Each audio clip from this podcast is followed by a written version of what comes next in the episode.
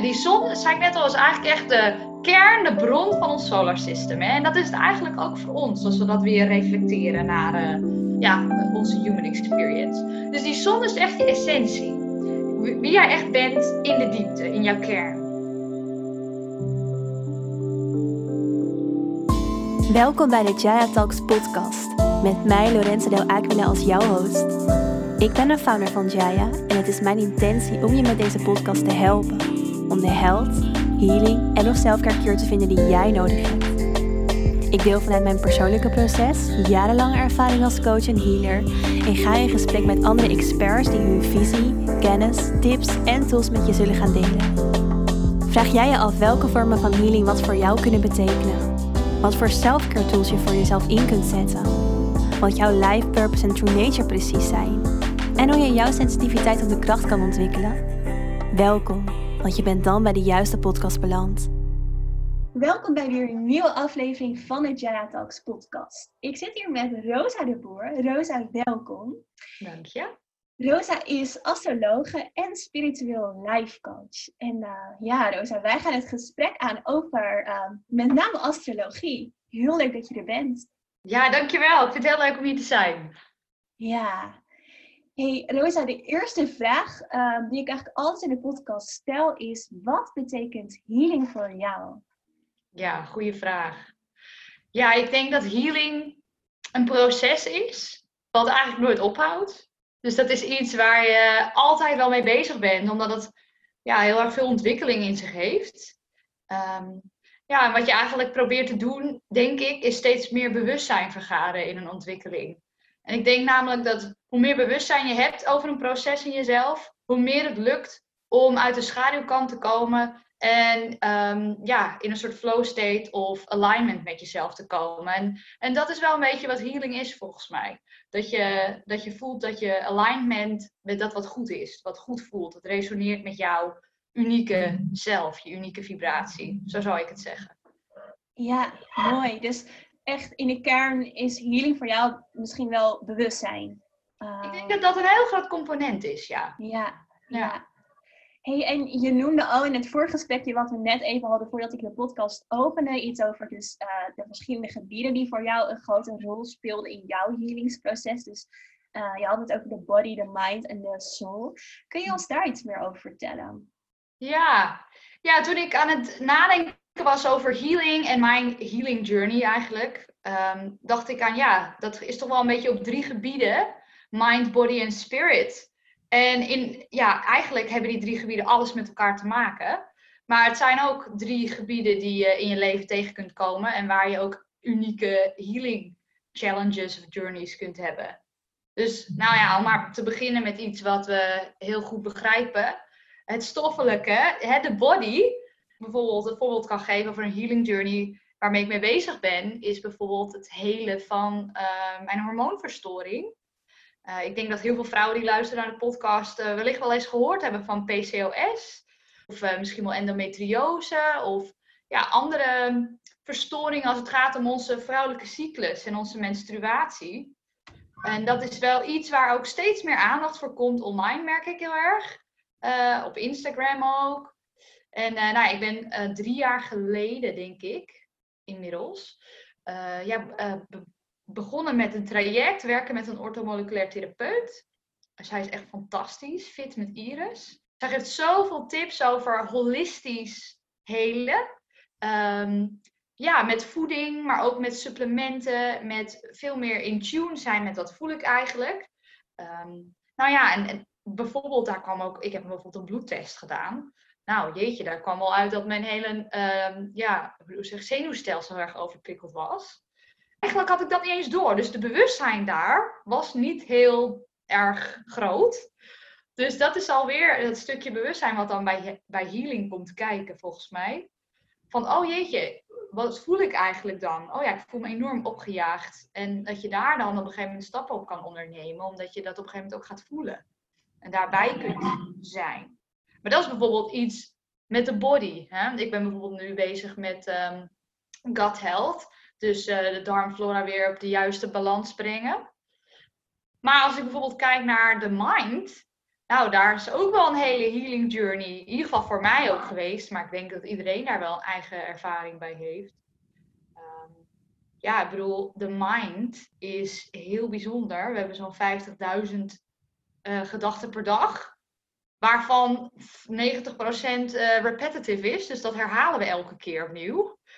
En um, ik denk dat voor mij Healing Journey uh, de, de, het inzicht dat ik mijn gedachten niet ben, maar dat, er, dat ik eigenlijk de aanwezigheid achter die gedachten ben, ja. waarnemer als het ware, dat heeft mij, dat bewustzijn heeft in mijn healing journey enorm veel gedaan.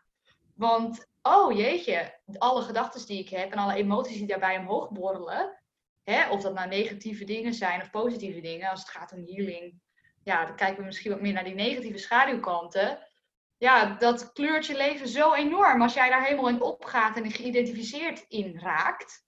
Wat we eigenlijk allemaal zijn hoor, want we zijn heel erg geprogrammeerd om geïdentificeerd te zijn met hè, wat buiten ons gebeurt, maar ook met onze gedachten. En als jij dan de practices hebt of doet, bijvoorbeeld meditatie en yoga, dan ga je opeens heel anders met de mind om. En heb je dat bewustzijn en kun je het ook veel meer toepassen dat jij de waarnemer wordt. Ja. Nou, zoveel gedaan. Ik, mijn hele kijk op het leven is veranderd. Kijk op doelen is veranderd. Kijk op hoe ik mijn eigen ontwikkeling beoordeel. Hoe ik mezelf veroordeel. Nou, daar valt zoveel goud te behalen als het gaat om je kwaliteit van leven en de relatie die je met jezelf hebt. Ja, en om dan nog even naar spirit te gaan. Ja, dat is natuurlijk eigenlijk wel die aanwezigheid achter de gedachten waar ik het net over had. Hè? Ik, uh, ja, ik doe eigenlijk al mijn werk in het Engels. Ik vind soul prachtig. Ik vind ziel een beetje een stom Nederlands woord. Maar goed, bij deze ziel. Eigenlijk het bewustzijn dat in ons zit. En als, het dan om, als ik dan naar een healing journey kijk, dan kijk ik eigenlijk naar de spirituele ontwaking, of de spirituele groei. Waar heel veel spiritueel georiënteerde mensen mee bezig zijn. Waar ook heel veel spirituele geschriften, de uh, Vedic scriptures, maar ook astrologische geschriften. En nog veel meer oude culturen en uh, geschriften overgaan. Ja, dat spirituele ontwaken, wat is dat nou eigenlijk? Nou ja, en, en daar komt ook weer, dat heeft alles te maken met bewustzijn. En eigenlijk, die aanwezigheid achter die gedachten is een bewustzijn. En het in ja, als je dan. Ik heb bijvoorbeeld ik heb een yoga-opleiding gedaan. Ik, ik, ik geef ook yoga, ik geef ook meditatiecursussen. Um, en, het, en het heeft ook een linkje naar de astrologie die ik doe. Maar eigenlijk is het de evolutie van je bewustzijn uh, door alle incarnaties heen. Door elk leven dat je ervaart. Hè? Uh, waarin het stukje bewustzijn incarneert in een lichaam. Waar het een human experience heeft. Waar het bepaalde lessen op doet. En waardoor het steeds een stukje groter wordt. Want we leven hier in een dualiteit. Hè? Heel veel mensen vragen mij: wat is dualiteit nou? Wat is dualism? En wat is non-dualism? Nou ja, eenheid. Hè?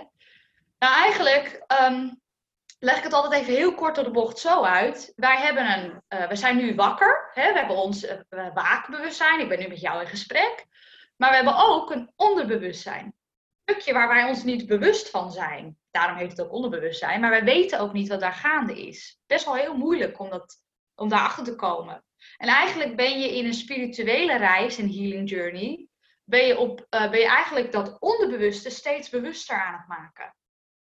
En als dat onderbewuste bewust raakt, dan is eigenlijk opeens het geheel bewust. En dan, eh, dan ervaar je niet meer een dualiteit, bewust en onbewust, maar dan is het één, want dan is alles weer bewust. Even heel snel uitgelegd hoor is dat eigenlijk een grote healing journey. Ja, de expansion of consciousness. Dus dat is eigenlijk hoe ik dat een beetje voor me zag toen ik daarover nadacht, over die mind, body, spirit. Ja, heel mooi hoe je dat hebt uitgelegd. En ook echt die verschillende lagen, uh, daar sluit ik me helemaal bij aan. En, en vaak zijn mensen als ze beginnen aan een healingsjourney, zie ik dat ze heel vanuit de mind dingen benaderen. Mhm. En wat ik ook altijd zo mooi vind om te zien, is dat ze juist hoe verder je op die healingsjourney komt, hoe meer je ook echt contact gaat maken met nou ja, allereerst ook wel de soul, dat, dat is vaak helemaal onbekend terrein. Uh, maar ook wel de body, dus ook echt wel de emoties die je in je hebt en die je misschien zo lang hebt weggestopt. Maar ook natuurlijk de diepere lagen achter eh, je fysieke klachten of, of uitingen daarvan. En nou ja, dat zal je zeker herkennen als yoga teacher natuurlijk. Dat dat ook ehm, nou ja, zo'n mooi proces is om die drie gebieden er met elkaar Ehm, ja, te verenigen. Om, om dat echt weer vanuit die mind te komen en ook echt vanuit die andere gebieden te gaan leven. Mhm. Ehm, want daar zit de kracht. Daar zit de kracht. Natuurlijk echt ook in die, in die connectie met jouw hele zijn in plaats van met alleen het stukje mind. Ja, zeker. Ja, dat zeg je heel mooi. Ja, en als we het dan over yoga hebben, hè, als je het woord yoga vertaalt, dan heb je het over eenheid. Ja, dat is verbinding. dus dat is eigenlijk wat jij net zegt, het, hele zijn. Eigenlijk, hè, ik geef dan hatha yoga. Hatha, ook weer die dualiteit, die je weer één wil maken.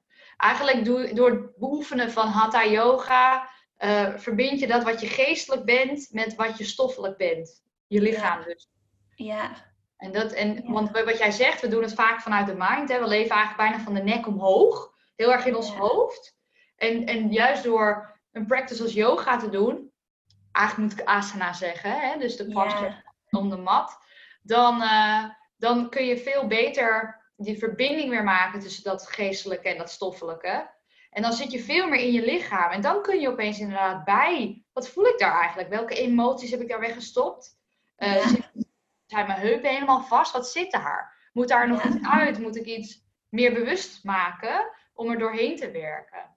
En, en daar begint het vaak voor mensen. En, en het is wel heel tof, want als je dan echt, uh, ik kom dan mensen, hè, cliënten tegen die ik ook coach. En dan gaan we echt een langer traject in.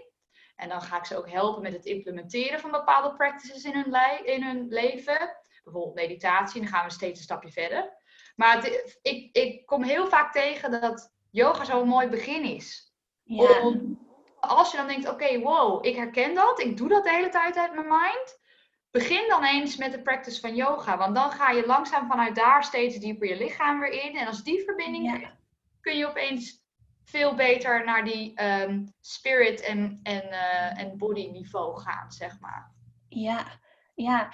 Hey, en ik vind het ook wel een mooi bruggetje naar het, um, het echte onderwerp van deze podcast. Want Hatha Yoga betekent de zon ook en de maan, dus dat ja. verenigen. hey, en um, astrologie, hoe is dat bij jou in je leven gekomen? Waar begon dat bij? Dat is een goede vraag. Ik, ik, ik grap altijd een klein beetje dat astrologie jou vindt. Dus het heeft mij gevonden. Maar uh, ik kwam ermee in aanraking in 2007. Um, ehm, en toen heb ik eigenlijk mijn eerste reading gehad. Ik was toen uh, eh, 17 of 18. Uh, eh, ik heb toen een burn-out gekregen. Ehm, en toen, ja, een, kennis van mijn vader eigenlijk, was astroloog. En zij heeft voor mij toen een kaart uitgetekend. Om mij eigenlijk vanuit een ander perspectief het inzicht te geven over mijn psychologie. De patronen die aanwezig zijn, cycli die eventueel opgelicht zijn op dat moment, misschien later. En dat vond ik toen wel heel interessant. En eigenlijk, als ik er zo over terugkijk, dan weet ik, ja, weet je, het heeft altijd al zo mijn interesse gehad, het zonnestelsel. Vroeger op school hadden we ook zo'n gang en dan hingen al die planeten aan het plafond. En dan moest je het juiste kaartje erbij hangen. Nou, dat, dat, dat vond ik fantastisch. En zo kwam dat steeds een beetje weer ja, bij me terecht. En uiteindelijk ben ik ehm, in Bali uh, geweest en uh, bij een astroloog terechtgekomen. En dat, nou, die reading was voor mij zo life-changing. Dat was zo'n keerpunt in mijn hele leven. Dat ik dat, ik dat A, heel erg uh, ja, impressive vond. En toen was het ook wel echt van, oh ja, ik wil hier nu echt, ik wil echt leren. Ik wil het nu ook echt zelf leren doen. Dus dat ben ik toen eigenlijk gaan doen. Ja, ik heb heel erg mazzel, want mijn vader is een spiritual teacher. En die heeft oh. ook ehm, veel internationale contacten, waaronder nog een andere astroloog uit Texas bijvoorbeeld. Dus ik ben daar af en toe mee gaan skypen. Zij heeft mij aangeraden om professionele software aan te schaffen. Ik heb heel veel boeken gelezen. Ehm, en ik moet ook zeggen, als je al een achtergrond hebt in, als het gaat om spirituele filosofie in esoterie, dan ja, kon het overal ergens op vallen of zo. Ja. Ehm, en zo is dat eigenlijk ehm, ontstaan. En daar heb ik een paar, een paar jaar heel erg diep in gezeten. En het heeft zich gemanifesteerd in dat ik nu heel veel mensen mag helpen daarmee. En dat is wel echt heel gaaf om te doen. Ja, wat mooi Heel mooi. Hey, en als we nu, ehm, ja, als er nou luisteraars zijn die wel ja, ik geloof wel in dat iedereen van astrologie gehoord heeft. Maar als je zoiets hebt van, hé, hey, ja, wat, wat is het nou echt? Want als ik mhm. eerlijk ben, ik had er een langere tijd zelf niet zoveel mee. En dat komt omdat uh, als ik dan die tekstjes las in de tijdschriften met, uh, nou, bij mijn sterrenbeeld, ik ben een stier. Dat ik dan dacht, nou, ik herken me er niet in. Ik herkende me helemaal niet zo heel erg in de stier, als ik eerlijk ben. Maar toen ik me er meer in ging verdiepen, kwam ik er bijvoorbeeld achter dat je ook een ascendant hebt en een mhm. maanteken. En toen dacht ik, oh, wacht even, oké, nu gaat het ergens naartoe in plaats van dat het een beetje uh, oppervlakkig blijft. Ik vond het een beetje. Ik miste juist als eerste de diepgang erin. Van nou ja, weet je. Um, hoeveel stieren met mij zijn er? Zijn we dan allemaal hetzelfde? Dat, mm. dat gevoel krijg je in het begin een beetje. Van uh, ja, hoe kan dat nou? Weet je, dat is een beetje hoe kan je iedereen nou in, uh, in, in, die, in, die, uh, in je sterrenbeelden precies hetzelfde zeg maar zijn? En, en nou ja, dus dat is wat ik uh, in het begin altijd lastig vond. Maar nou ja, ik ben er dus wat verder in gaan verdiepen. En toen kwam ik er dus achter dat er juist echt, nou ja, ongelooflijk veel meer is dan je sterrenbeeld. Dat dat eigenlijk het super meest, ja, toch wel overkoep, oppervlakkige misschien wel is. En dat, dat het zoveel meer de diepte in kan gaan. Ehm, maar ja, juist door al die laagjes uh, die het heeft met de verschillende huizen. En nou ja, dat ga jij zo, kan jij veel meer over vertellen. Ehm, kun je eens, eens, een beetje een begin geven over astrologie? Van nou ja, oké, we weten allemaal wel, een sterrenbeeld heeft met astrologie te maken, maar, mhm. maar wat is het nou nog meer? Dus, ja, ja. ja. ga ik doen. Ik snap helemaal waar je vandaan komt. En ik hoor dat ook super vaak en het is ook heel logisch. Want ja, er zijn weet ik veel hoeveel stieren. En nee, niet iedereen is hetzelfde. En zo staat het daar eigenlijk wel in, een, in een krantje. Dat noem je sun sign astrology. Dus is heel erg 2D. Ja. Nou, wat is astrologie nou eigenlijk? Hè? Uh, eigenlijk is astrologie de studie of het observeren van activiteit in onze kosmos en wat dat betekent voor onze ervaring hier op aarde. Dat is eigenlijk wat astrologie heel kort op de bocht is. Astronomie is meer, oh, hoe maken ze dan het rondje? Hè? Waar staat hier alles? Dat is eigenlijk een beetje de, de wiskundige techniek. En astrologie is meer, oh ja, maar wat betekent dat dan voor ons? Daar gaat astrologie over. En er is een hele mooie quote die heel vaak gebruikt wordt. Dat is as above, so below. Dus wat daarboven gebeurt, gebeurt ook beneden. Maar eigenlijk is die quote niet helemaal volledig. Als je hem volledig zegt, dan is het as above, so below. As within, so without. As the soul, so the universe. Mm, mooi. Bij Hermes Trismegistus, als ik dat goed uitspreek. dat vind ik een ontzettend mooie quote, want dat, dat heeft echt die essentie. Hè? Dus wat boven gebeurt, is eigenlijk ook beneden. Wat in mij is, is eigenlijk ook om me heen. En mijn ziel is eigenlijk onderdeel van de universe, het grotere geheel. Dus eigenlijk is alles één. En dan heb je weer die non-dualiteit waar we het net ook weer even over hadden. Nou, en wat je dus eigenlijk ziet, is dat er bepaalde cycli zijn van grote kosmische bodies in, de, in onze kosmos. En uh, nou ja, planeten komen dichter bij elkaar, gaan verder uit elkaar. Dat zijn allemaal cycli. En um, dat kun je zien vanaf de aarde, in de lucht. En dat is dan ook jaren, jaren geleden, eeuwen geleden, ook al geobserveerd door mensen op aarde. Wat gebeurt er daar en wat gebeurt er dan eigenlijk hier? Nou, door dat heel lang te observeren en bij te houden, werd er op een gegeven moment een soort patroon ontdekt. En werd er eigenlijk een symbolische taal ontwikkeld om te interpreteren wat we daar zagen in de lucht en wat er dan hier gebeurde. En dat is eigenlijk wat astrologie is, die studie, die observatie. Nou, en de symbolische taal die we gebruiken om te kijken van hé, hey, de cyclies boven, die hebben op een of andere manier een soort synchroniciteit met de cycli hier beneden. Er is een soort reflectie, een soort spiegel lijkt wel. En die taal gebruiken we om dan te interpreteren wat er dan gebeurt boven, om onze ervaring hier te beschrijven. Nou, die symbolische taal, daar, daar zijn bijvoorbeeld die sterrenbeelden in opgenomen. Dan heb je het ja. opeens over stier of over boogschutter. En dat zijn eigenlijk archetypes die we gebruiken om uh, te beschrijven wat voor energie uh, er eigenlijk achter een bepaalde interpretatie zit. Nou ja, de zon is natuurlijk een hele belangrijke speler in ons uh, zonnestelsel. Het is ja, de source, hè, de kern, de bron als het ware. Nou ja, en de zon die doet er precies twaalf maanden over om door al die twaalf zodiac signs, de sterrenbeelden, de tekens te gaan. in elk teken een maand. Nou ja, en daar, die, dat hele zodiac uh, wiel met 12 tekens en 12 maanden, daar, daar hangen wij een jaar aan vast. Jij bent geboren dan uh, met stier, dat is ergens in mei of eind april, denk ik? Eind april. Ja, nou, jij werd geboren op eind april. Op dat moment was de zon vanaf ons punt gezien in het teken van stier. Ja. Nou, dan gaat het zo twaalf maanden verder. En dan heb je een solar return. Want dan is hij weer precies waar jij geboren was. Dat is dus een jaar later. En jij noemt dat een verjaardag. En dan is de zon dus weer in stier. Nou, er zijn natuurlijk veel meer mensen jarig eind april. dus er zijn veel meer mensen waarbij de zon op dat moment in, in de tijd in stier was. Nou, we hebben gelukkig nog veel meer andere tekens en bodies in the sky die een hele unieke uh, puzzel of soep maken van, uh, ja, van wie jij bent.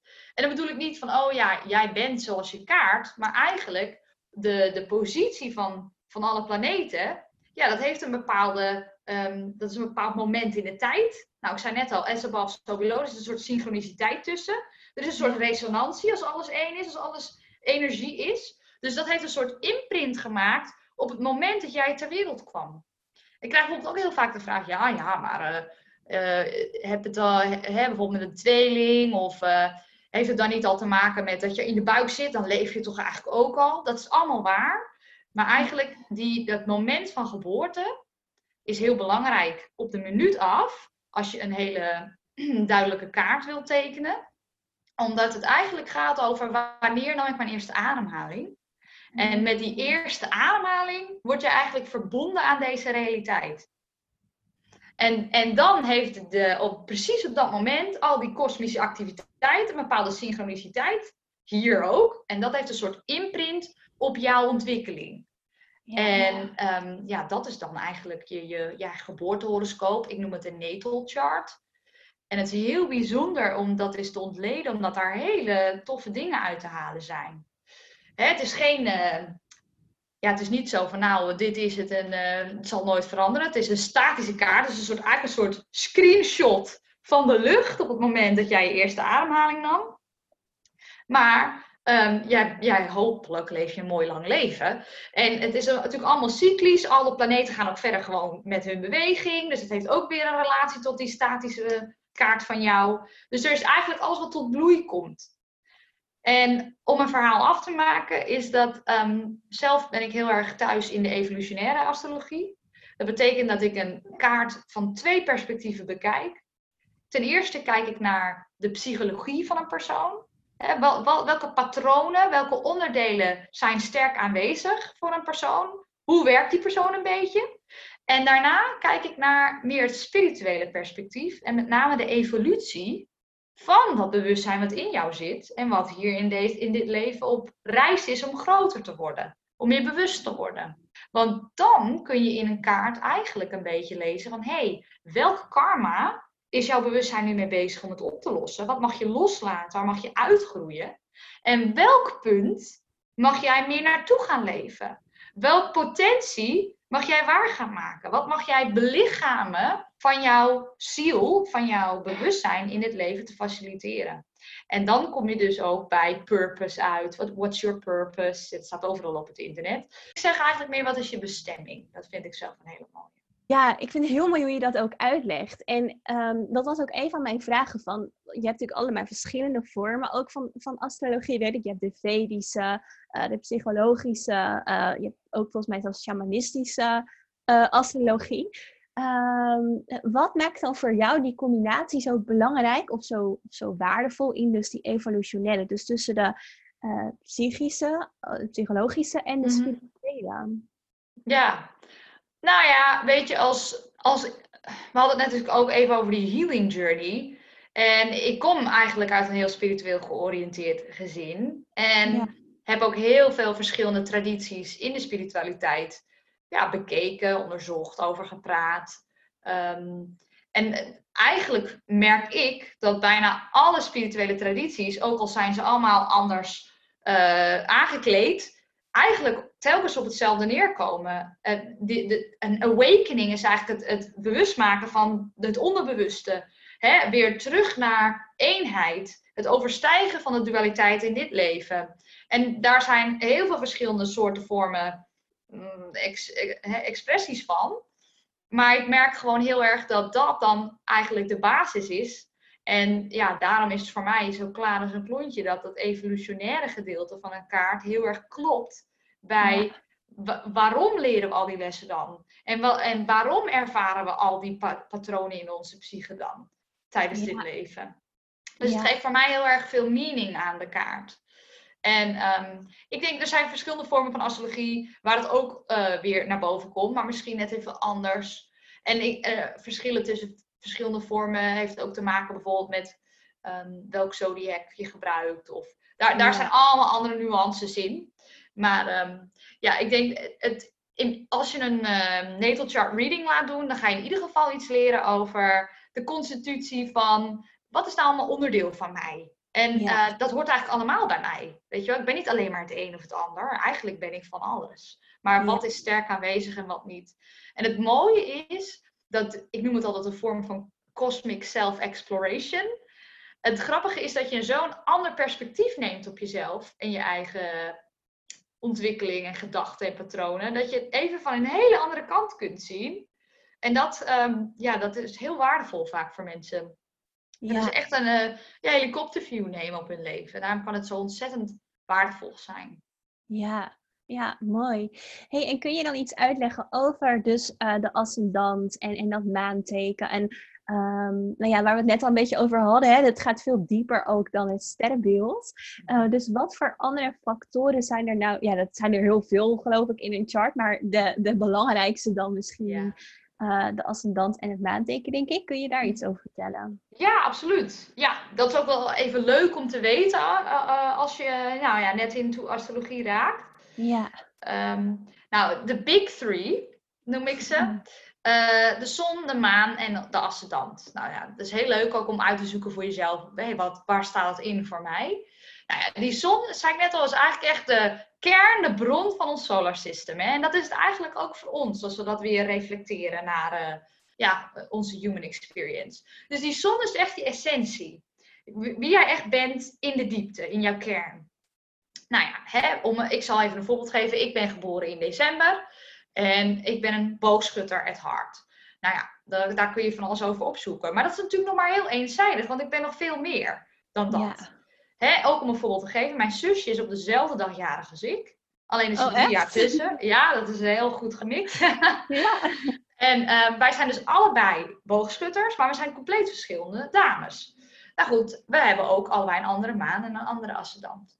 Nou, die Ehm, die zon is dus je essentie. Die maan geeft veel meer je emotionele, diepere, bijna privéwereld weer.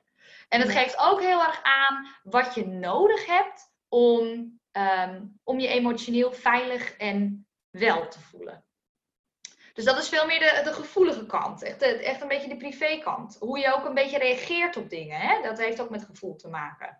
Ja. Nou, dat, dat, is, en, dat, en dat geeft ook aan wat jij eigenlijk een beetje nodig hebt. Nou ja, voor mij staat de maan bijvoorbeeld in Waterman. Dat is een heel vrij uh, teken wat heel erg graag op zichzelf wil staan. Um, dus het heeft een bepaalde vrijheid nodig om een beetje excentriek te kunnen zijn, om een beetje buiten de box te kunnen onderzoeken. Dat is bijvoorbeeld iets wat ik ook nodig heb.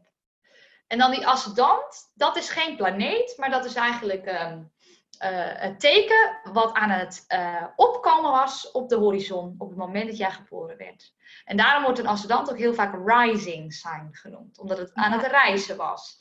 Dus um, op het moment dat ik geboren werd, was schorpioen rising. Dus ik heb een schorpioen ascendant. En de, de ascendant is eigenlijk meer hoe ik overkom op de buitenwereld. Hoe andere mensen mij zien. En ook een beetje hoe ik soms dan dingen benader in de wereld. Nou, er zijn verschillende hele mooie metaforen voor om uit te leggen wat het is. Maar ik zal er even één noemen die ik zelf wel erg leuk vind. Uh, neem een huis. Hè, en uh, nou, iemand ziet mijn huis. Het is een schorpioen buitenkant. Het heeft misschien een beetje een privébalkon, ik noem maar wat. Um, alleen als je binnenkomt, denk je: oh, maar wacht eens even, hier woont een boogschutter. Ik zie allemaal reisdingetjes. En ik zie een hele grote boekenkast met allemaal mooie boeken waar iemand in kan verdwijnen. En als Ja. iemand dan echt een beetje dieper gaat bij Rosa en een beetje privé in de slaapkamer mag kijken, dan is het, oh, maar wacht eens even, hier zit een waterman. Maan als gevoels, als, als diepte in. Dat is een leuk metafoor wat ik wel eens, eh, wel eens gebruik. Ja, ja, dat geeft gelijk ook een beetje meer eh, beeld of, of Ja. visualisatie, inderdaad. Ja. Ja. Ja, Ja. dus dat is, dat is wel, eh, wel heel leuk. Ja. Nou ja, mijn zusje die heeft een maagdassedant, wat een heel aardsteek is, heel praktisch is. En ik heb een, een water, vrij, een beetje intens, beetje, ik kijk dwars door je heen assedant. Ja. Nou, dat, maakt, dat maakt die boosgutterzon die daar doorheen naar buiten schijnt natuurlijk compleet anders. Geeft al een ander kleurtje, ander smaakje. Ja, Ja. ja, dus het is echt die combinatie ervan die, die uiteindelijk echt iets over jou zegt. Of, of uiteindelijk een, een- een betere omschrijving is dan alleen, eh, alleen eh, je sterrenbeeld, je zonneteken. Ja, zeker. Veel meer geeft dat al. En dan is het natuurlijk nog de vraag, oh, maar waar staat Mercurius bijvoorbeeld? Dat is een beetje je mentale functie. Hoe denk jij na? Hoe leer jij? Hoe communiceer jij? Of waar staat Venus? Hoe heb jij lief? Wat waardeer? Wat is jouw value? Wat vind jij nou echt belangrijk? En Ja. dan kunnen we nog een stap verder, want hoe, waar staan die dan? En hoe verhouden ze zich tot elkaar? Hoeveel Ja, graden staan ze uit elkaar? Zijn ze in, met elkaar in gesprek of helemaal niet? Nou ja, Ja. zo ga je eigenlijk steeds meer een story in. Dus je ontrafelt eigenlijk een soort mysterie. Ja. Ik vind dat heel leuk om te doen. ja, dat kan ik me voorstellen. Ja, want is dat dan ook wat je daarna zei van, van die huizen? Want eh, ik weet natuurlijk dat bijvoorbeeld of dat een planeet dan in het eerste, tweede, derde, nou ja, hoe zoveelste huis kan staan. Ja. Eh, hoe zit dat dan precies? Kun je dat een beetje eh, uitleggen? Zeker, ja. Nou goed, we hebben dus planeten die in een, bepaalde, in een bepaald teken staan. Maar ze staan ook in een bepaald gedeelte van de lucht. En die, de lucht hebben we eigenlijk opgedeeld in eh, verschillende gebieden. En dat zijn eigenlijk de huizen. En de huizen, dat zijn eigenlijk dus gebieden in het leven waar een bepaalde mentale functie of bepaalde activiteit kan plaatsvinden of ontvouwen. Hè, dat, eh, om een voorbeeld te geven, ehm, er staat een planeet in het tweede huis.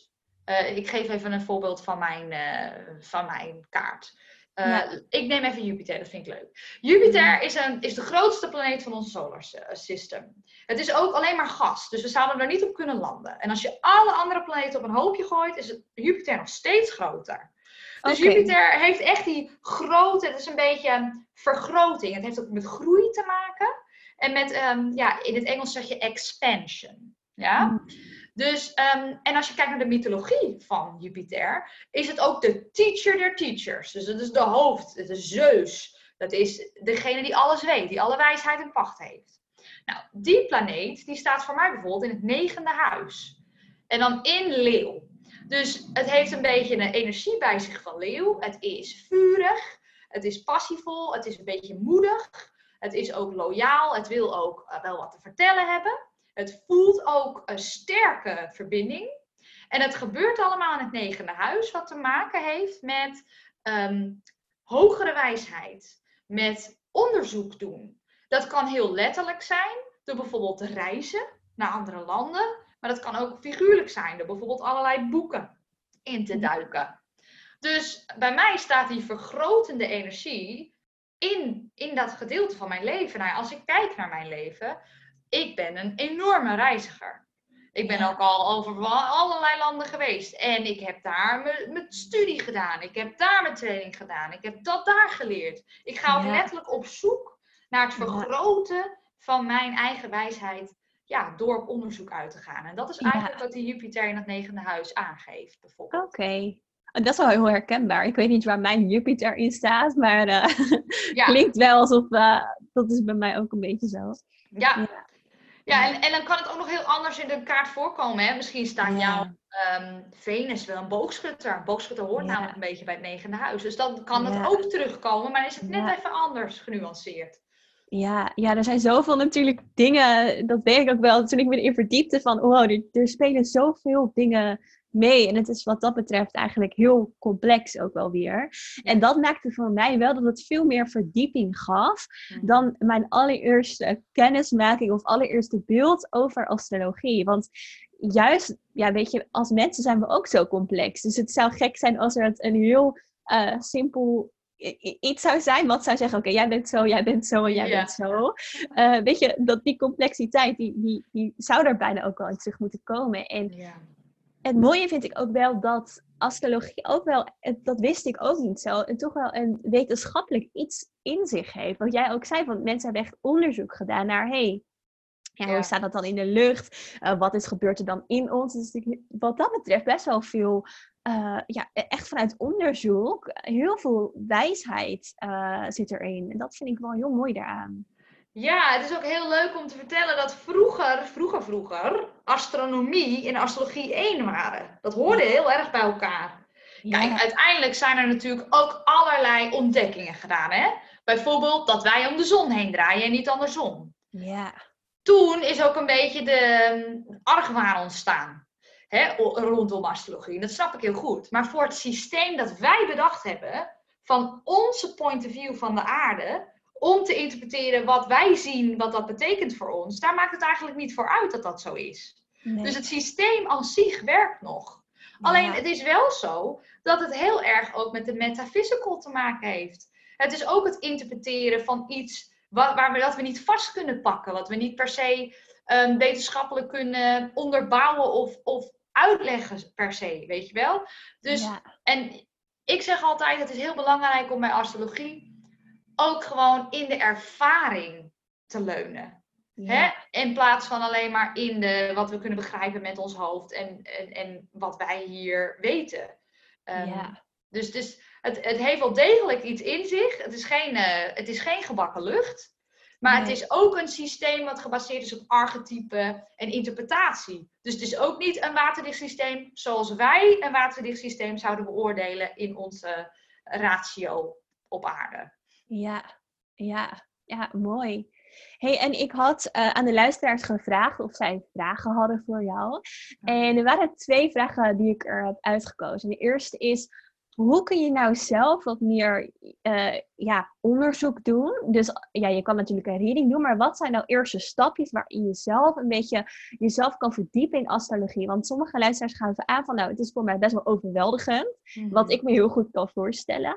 Mhm. Eh, dus, dus wat zijn nou eerste stapjes? Hoe zou je er een beetje in kunnen verdiepen voordat je wellicht een reading doet of verder gaat? Om gewoon eens te weten van, hé, hey, ja, wat is het nou eigenlijk? Uh, behalve dan deze podcast luisteren. Ja, nou het is heel leuk om bepaalde mensen bijvoorbeeld te volgen hè, online. Op Instagram bijvoorbeeld. Want dan krijg je toch hier en daar eens wat, wat mee. Ja. Dan raak je een beetje bekend met de termen. Oh ja, Venus en Mars en uh, de, de, tekens bijvoorbeeld. Dat vind ik zelf heel erg leuk om te doen. Er zijn ook hartstikke veel leuke video's op YouTube daarover te vinden.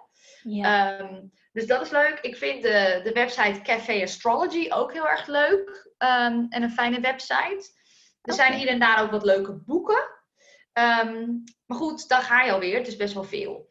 Ja, ehm, ja als je nou, uh, wat sowieso leuk is om te doen, om eventjes alle overwhelm aan de kant te schuiven, is om te kijken wanneer ben ik geboren. Weet ik dat een beetje op de minuut? En um, waar ben ik geboren, moet je ook weten. En dan kun je naar astro.com gaan. En daar kun je een gratis je eigen kaart uh, laten optekenen, zeg maar. En dan, dan is het leuk om te kijken, oh, waar staat mijn zon, mijn maan en mijn ascendant dan? En dan kun je voor die, die drie een beetje meer bijvoorbeeld naar cafeastrology.com gaan. Of eens een beetje hier lezen of eens daar. Want dan heb je een beetje een richtlijn wat je dan gaat lezen in de alle ja. overwhelm. Ja. Dus dat, dat is sowieso heel leuk. En ik begrijp helemaal hoor, die overwhelm. Want het is heel erg zo. En er wordt van alles over gezegd. En niet iedereen weet daar heel erg veel van, merk ik ook. Ja. Uh, dat is ook de reden waarom ik mijn eigen online course heb gemaakt. Ehm, om juist echt een hele praktische foundation aan te bieden als je daar uh, meer over wil leren. Bijvoorbeeld. Dus, dus dat, dat is een beetje wat ik, waar ik zou, uh, zou beginnen voor jezelf. Dan, dan ja. ontraven je. Het is gewoon belangrijk dat je een klein uiteindje vindt en dan ontraven je zo dat hele kleedje verder af. Ja, ja, precies. Ja, en, en dat was ook wat ik wel mooi vond aan die vraag. Dus ja, wat, oké, iedereen weet bijna wel zijn sterrenbeeld. Ja. En, uh, ja, en dan verder, zeg maar, um, Ja, en de volgende vraag was van iemand, en als ik zelf ook wel benieuwd naar, zij zei, ja, ik zie soms ineens heel veel tegelijk over Mercury retrograde. Mhm. Wat is dat precies, vroeg zij. Want ze zei, volgens mij is het geen planeet. Uh, wat houdt het in? Ja, hele goede vraag. Ja, Mercury, Mercurius, dat is wel een planeet. Maar het fenomeen wat hij vertoont, namelijk retrograde gaan, dat is een fenomeen. Dus um, dat, is, dat is in ieder geval even heel uh, droog wat het is. Nou, eigenlijk wat een retrograde doet, er zijn namelijk bijna alle planeten gaan retrograde wel eens. Het ligt er alleen aan hoe vaak. En dat ligt er weer aan hoe lang een planeet erover doet om een heel rondje af te maken. Nou, waarom horen we nou zo vaak over Mercurius retrograde? Nou, Mercurius staat heel dicht bij de zon. 88 dagen doet Mercurius erover om een rondje te maken. En hij gaat zo'n drie tot vier keer per jaar retrograde. Nou, dan opeens breekt de hel los. Iedereen heeft het over. Oh nee, mijn laptop valt uit. De NS is te laat. Weet ik wat allemaal. Eigenlijk is het zo dat wat wij zien van aarde, vanaf de aarde gezien, is dat Mercurius opeens weer teruggaat. Dus hij gaat niet weer rechtdoor vooruit zoals hij normaal gaat, maar hij gaat weer een stukje terug over de baan waar hij normaal overheen gaat. Dat is wat wij zien. Dus hij is eigenlijk letterlijk weer even terug aan het kijken. Zo zou je het kunnen zeggen. En een retrograde is dan ook eigenlijk een beetje een uitnodiging voor ons. Want het, het um, spiegelt, hè? dus als daar iets teruggaat, kunnen wij dan ook even terugkijken.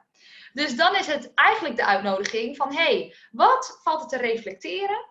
Wat moet ik misschien nog een keer evalueren? Moet ik misschien nog iets bekijken? Of um, nog eens beslissen misschien, nog een keer opnieuw? Dat is een beetje de uitnodiging van een retrograde. Eigenlijk is het zo van, hey, kan ik iets meer internaliseren? In plaats van alleen maar naar buiten gericht te zijn met alles. Wat speelt er nou in mij? Nou, en elke retrograde, over waar, waarover gaat dat dan? Waarover moet ik dan reflecteren? Nou, dat is dan weer, hangt af van de planeet die retrograde is. In Mercurius geval moet je dus kijken naar, oké, waar staat Mercurius voor? Wat wordt geassocieerd met Mercurius? Mercurius is de planeet die met onze ratio te maken heeft, met onze gedachten.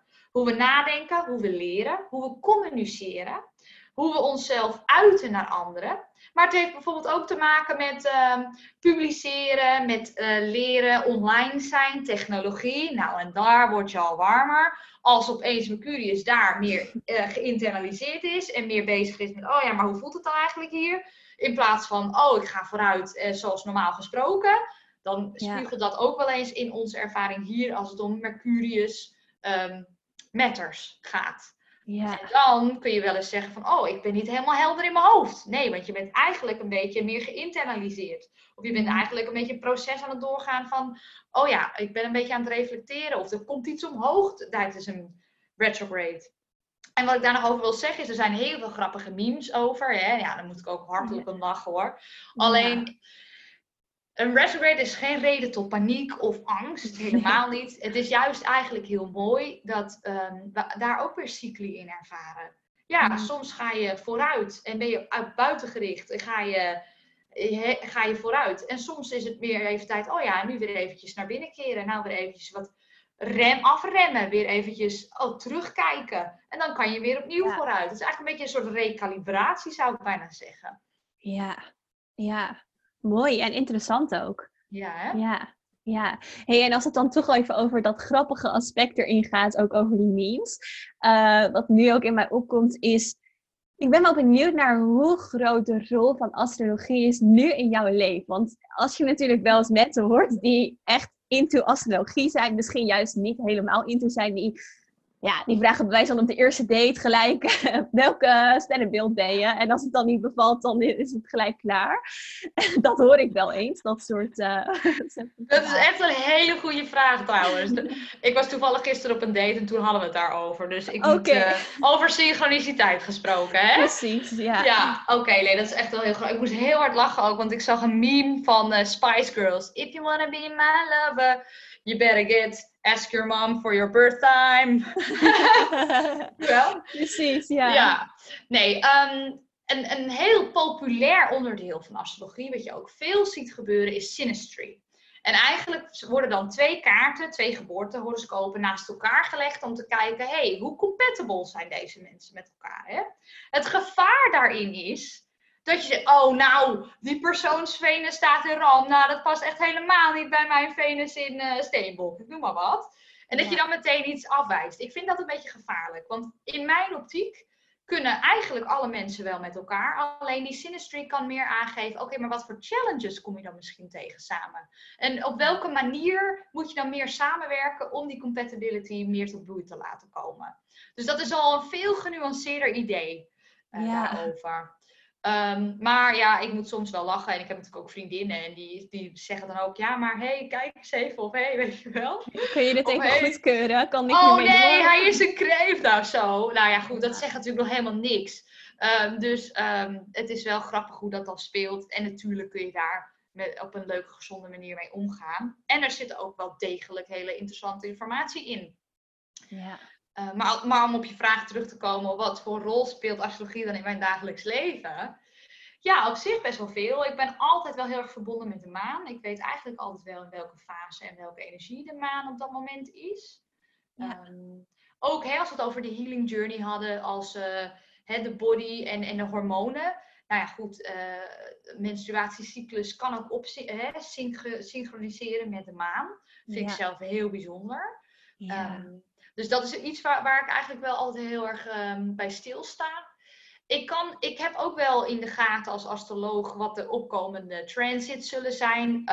Um, omdat ik ook video's maak en mensen daar, of in mijn newsletter mensen wat inzicht geven over de komende maand bijvoorbeeld. Of, dus dat weet ik eigenlijk ook wel. Dus ik heb wel een soort van groot beeld, zou ik zeggen. Maar ik ben niet elke dag in mijn kaart aan het kijken of zo. Dat dan ook weer niet. Nee. En ik merk ook wel, het is een heel groot onderdeel van mijn leven. Ik vind het fantastisch als nieuwsgierige boogschutter dat ik hier nog jaren, nog elke dag meer over kan leren. Ja. Um, maar af en toe merk ik ook wel aan mezelf, ah, nu even niet hoor. Weet ja. je wel? Ja, ja, maar dat is wel herkenbaar. Dat is natuurlijk met, ja, weet je, als je gaat verdiepen in spiritualiteit, er is zoveel. Op een gegeven moment heb je ook wel eens een dag dat je denkt, even gewoon even rust of zo. Ja, dus dat is wel heel herkenbaar hoor. Dat heb ik ook. Niet, ja, niet, ik ben dan niet helemaal into uh, astrologie, niet heel bekend in dat maar in andere dingen weer wel. En dan heb ik ook soms van wow, ja, weet je, um, ook even een dag dat ik het mag laten zakken, zeg maar. Ja. Nieuwe info. Zeker. Ja, en, en ik denk dat dat voor luisteraars ook geldt. Ik, ik hoor zo vaak ook dat element van overwhelm. Van alles wat er is. En dat is ook een van mijn intenties van de podcast. Om het gewoon te gaan bespreken. En om te kijken van, ja, wat is dan healing? Wat kun je ermee? En um, om het bespreekbaar te maken. Juist ook om dingen te laten integreren. En het te laten zakken, als het ware, in je, in je bewustzijn en in je systeem. Mm. Ja, heel mooi. Ja, super mooi initiatief ook. Heel helpvol. En ja. ja, en ook weet je, met alle vrouwen bij elkaar, ook dat je meer meer idee krijgt en gevoel krijgt bij de sisterhood. En um, ja, wat meer een holistische kijk hebt op heling. En dat we niet alleen maar de hele tijd in beweging hoeven te zijn, maar juist af en toe ook die yin mogen pakken en het ja. gewoon even laten verteren gewoon. Of marineren, weet je wel. Een soort ja. mini retrograde. Ja, ja, ja, precies. Ja, ja kun je uh, retrograde ook zo zien als meer de, de yin-kant? Want hoe, uh, als we nou kijken dan hè, naar bijna overal, nou ja, we hebben het al een beetje over gehad, de dualiteit, of de yin en de yang. Hoe is dat in de astrologie? Heb je ook bijvoorbeeld bepaalde planeten die dus meer yang zijn en, en andere die meer yin zijn? Zeker. Um, hoe, ja. hoe zit dat? Wat is jouw um, kennis daarvan, als we dat echt aan de astrologie zouden koppelen bijvoorbeeld? Mm -hmm. Hoe komt dat terug? Oh, dat komt zeker terug. Uh, ik kan, uh, om, het eerste voorbeeld dat meteen omhoog komt, is bijvoorbeeld Mars en Venus. Ja, ja, oh, ja. ja. ja. Hè, waar Mars de, de passieve assertiviteit is. Sorry, de passieve, de actieve assertiviteit mm moet ik zeggen. Hè, dus uh, actie ondernemen, vooruitgaan, beweging. Ehm, is Venus meer de passieve het gewoon zijn in het moment. Uh, het, het, de enjoyment en, en de, de feminine embodiment, het voelen. Ja. ja, daar ga je al. Dat zijn al twee, ja. twee ja, de, de yin en de yang daarin. Ja. En die hebben ook allebei hun eigen plek in je kaart. En een eigen mentale functie in, in jouw psychologie. En dat is wel heel interessant en, en heel mooi om, om dat om dat terug te zien in de astrologie, maar ook in je leven of in de yoga. Of, en eigenlijk zo vind je dat overal terug. Ja. Dus dat, dat is wel. Uh, wel heel mooi. Ja, nou ja, en om daar maar meteen een heel mooi ehm, voorbeeld voor te geven. Venus is op dit moment retrograde. Oké. Ja. ja. sinds eh, een paar dagen als ik het eh, goed heb. Ja, een paar dagen.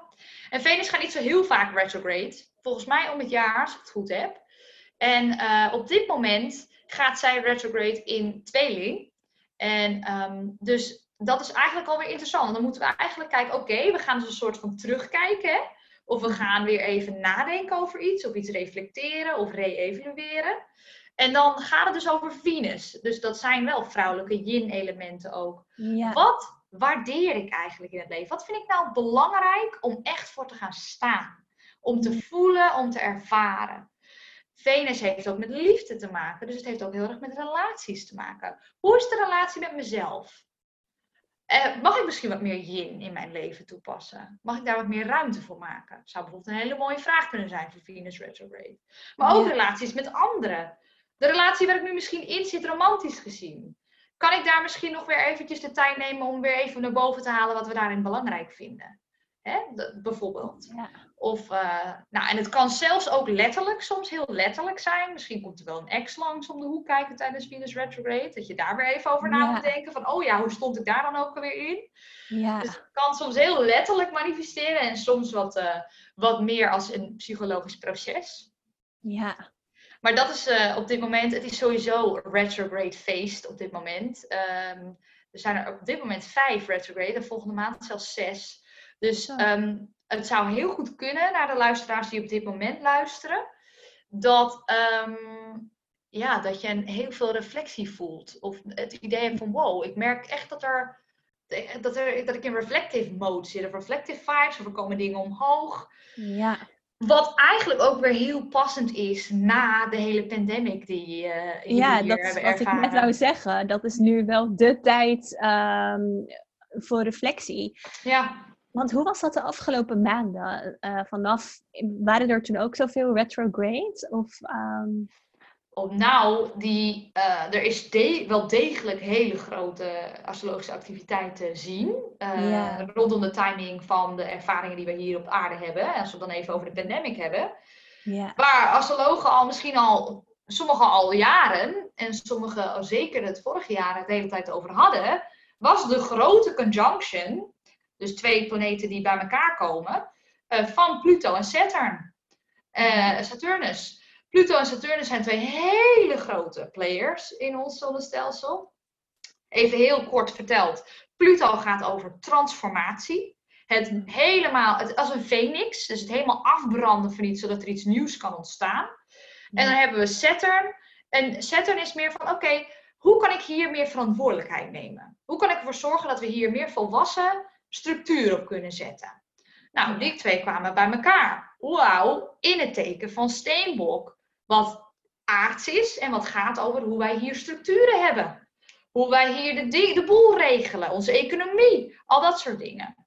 Dus heel veel astrologen wisten al van nou, er gaat daar een gigantische shift plaatsvinden. Want die twee komen bij elkaar. Dat zijn twee planeten die heel ver weg staan, dus heel langzaam bewegen. Dus die komen niet Mm. heel vaak bij elkaar. Dus wij, wij astrologen kunnen niet de toekomst voorspellen als in, nou, hé, hey, ik ga even in mijn glazen bol kijken en er komt echt een pandemic aan. Dat weten we niet. Maar wat we wel weten, bijna als het weer voorspellen, nou, Ja. die twee komen bij elkaar. Wat zal dat voor synchroniciteit geven hier? Of, ehm, of laten zien, moet ik eigenlijk zeggen.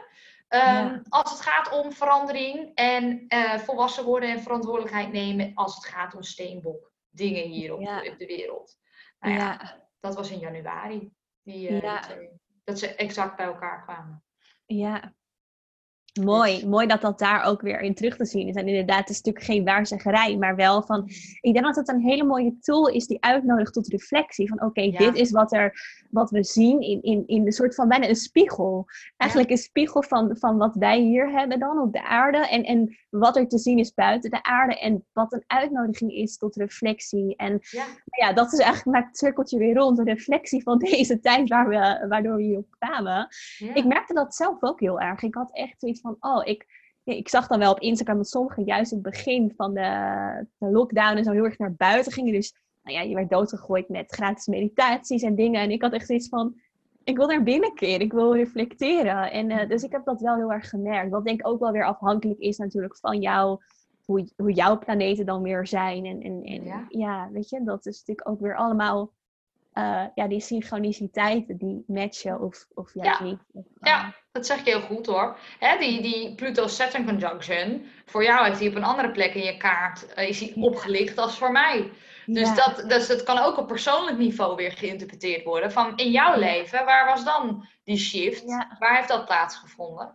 Dus dat is, dat is heel interessant. En, en ja, ik merk het ook heel erg, de reflective vibes. Ik denk dat uh, dit is een enorme ontwikkeling en groei en, en, en ja, uh, nudge als het gaat om ons bewustzijn. En daar ga je weer, de healing journey. Ja, die bewustzijn speelt daar zo'n grote rol in. Ja, ja. ja. Ja, hey, en wat is dan voor jou, uh, en dat is misschien een lastige vraag, maar wat is voor jou uiteindelijk een van de meest transformerende of helende aspecten geweest van uh, astrologie? Dus wat was voor jou zo'n moment waarvan je dacht, ja, of, of hier heb ik heel veel. Ja, ik kan me voorstellen dat het heel veel is, maar wat is uiteindelijk voor jou misschien kort gezegd een hele grote transformatie geweest die door astrologie is gekomen? Ja, dat is een hele goede vraag. Ik heb daar ook wel een mooi, uh, een mooi voorbeeld van. Um, het heeft te maken met een Saturn return. Ik, in, het, in het begin heb ik al even verteld van de zon, uh, de solar return, dan zijn we jarig. Maar Saturn, die dus gaat over verantwoordelijkheid nemen en volwassen worden, uh, die doet er 28 tot 29 jaar over om een heel rondje te maken. Nou, soms gaat hij ook nog een beetje retrograde. Dus tussen 28 jaar en 30 jaar ervaren wij allemaal een Saturn return. Oké, dat gaat dus ook over Saturn matters. Waar gaat Saturn over? Over groei, volwassen worden, verantwoordelijkheid nemen en um, structuren in plaats zetten in je leven. Nou, ik was um, in Bali dus bij die astroloog en hij um, we hadden daar een heel gesprek over en ook over mijn ervaringen en, waar, en de situatie waarop ik, ik, op dat moment in zat. En toen zei hij ook tegen mij, je Saturn return komt er bijna aan. Die is over twee jaar, is hij er. En Saturn return kan soms best wel een beetje pittig aanvoelen in ons leven. Of op een pittige manier challenges op onze pad gooien. Omdat het bedoeld is om ons die verantwoordelijkheid te laten nemen. En de juiste volwassen groei te laten hebben. Dat wat we nodig hebben voor ons bewustzijn. Weer die spiritualiteit eigenlijk ook. Hè? Dus hij zei, waar ben je nu? En als je weet dat dat er aankomt, een set return kan dus of eigenlijk een beetje vervelend aanvoelen, omdat het je bijna dwingt of helpt om bepaalde verantwoordelijkheid te nemen en groei door te maken, als je daar al niet op naar weg bent. Maar als jij nu alvast denkt, alvast gaat nadenken en alvast gaat actie ondernemen en verantwoordelijkheid nemen voor de dingen die wel aligned zijn met jou, dan kan een set return juist ook heel mooi uitpakken en alleen maar bijdragen daaraan. Dus eigenlijk was zijn vraag aan mij: waar ben je nu? Hoe stel je je nu op? In welke relatie zit je nu? En hoe voel je je daarbij? Haal je alles eruit wat erin zit? Ben je met je bestemming bezig in het leven? Draag je bij aan je spirituele ontwikkeling? Zo nee, is dit dan waar je nu bent? Wil je dat dan laten uitkristalliseren? Hmm. in het Engels zei hij, do you want to solidify this? Ja, en toen dacht ik, wow, dacht ik, nee, dat wil ik niet, dacht ik toen. Dus toen, vanaf daar, dat was zo'n keerpunt voor mij. Ja. Toen ben ik zo gaan nadenken en veel meer actie gaan ondernemen en veel meer die verantwoordelijkheid gaan nemen voor mijn groei en mijn leven en mijn ervaring. Voor zover het gaat. de, verantwoordelijkheid die je kan nemen voor jezelf. En ja, en dat heeft mijn leven nou bijna 180 graden gedraaid. En toen mijn Saturn Return kwam, overigens afgelopen januari, zei ik opeens mijn baan op en was ik opeens fulltime astroloog. Helemaal op weg op mijn bestemming. Mooi. Dus en, dat gaat dan niet altijd zonder uitdaging uiteraard. Maar dat, dat is eigenlijk wel heel mooi om te zien. En ja, uh, ja dat, dat vind ik wel een mooi voorbeeld voor jouw vraag. Zeker een mooi voorbeeld. Ik krijg er kippenvel van.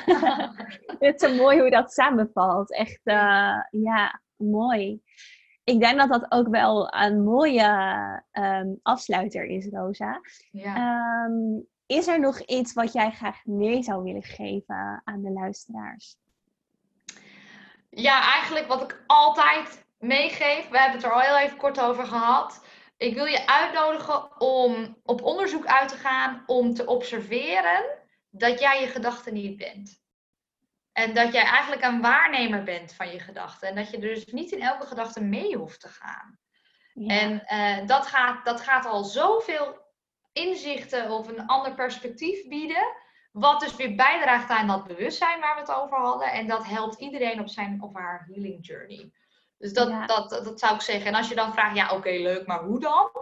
Dan, um, ja, weet je, um, uh, ja, kijk eens of er een manier is voor jou om uh, met meditatie te starten. Of om dat eens te proberen. Of om daar eens wat onderzoek naar te doen. En wellicht doe je dat via een yogales.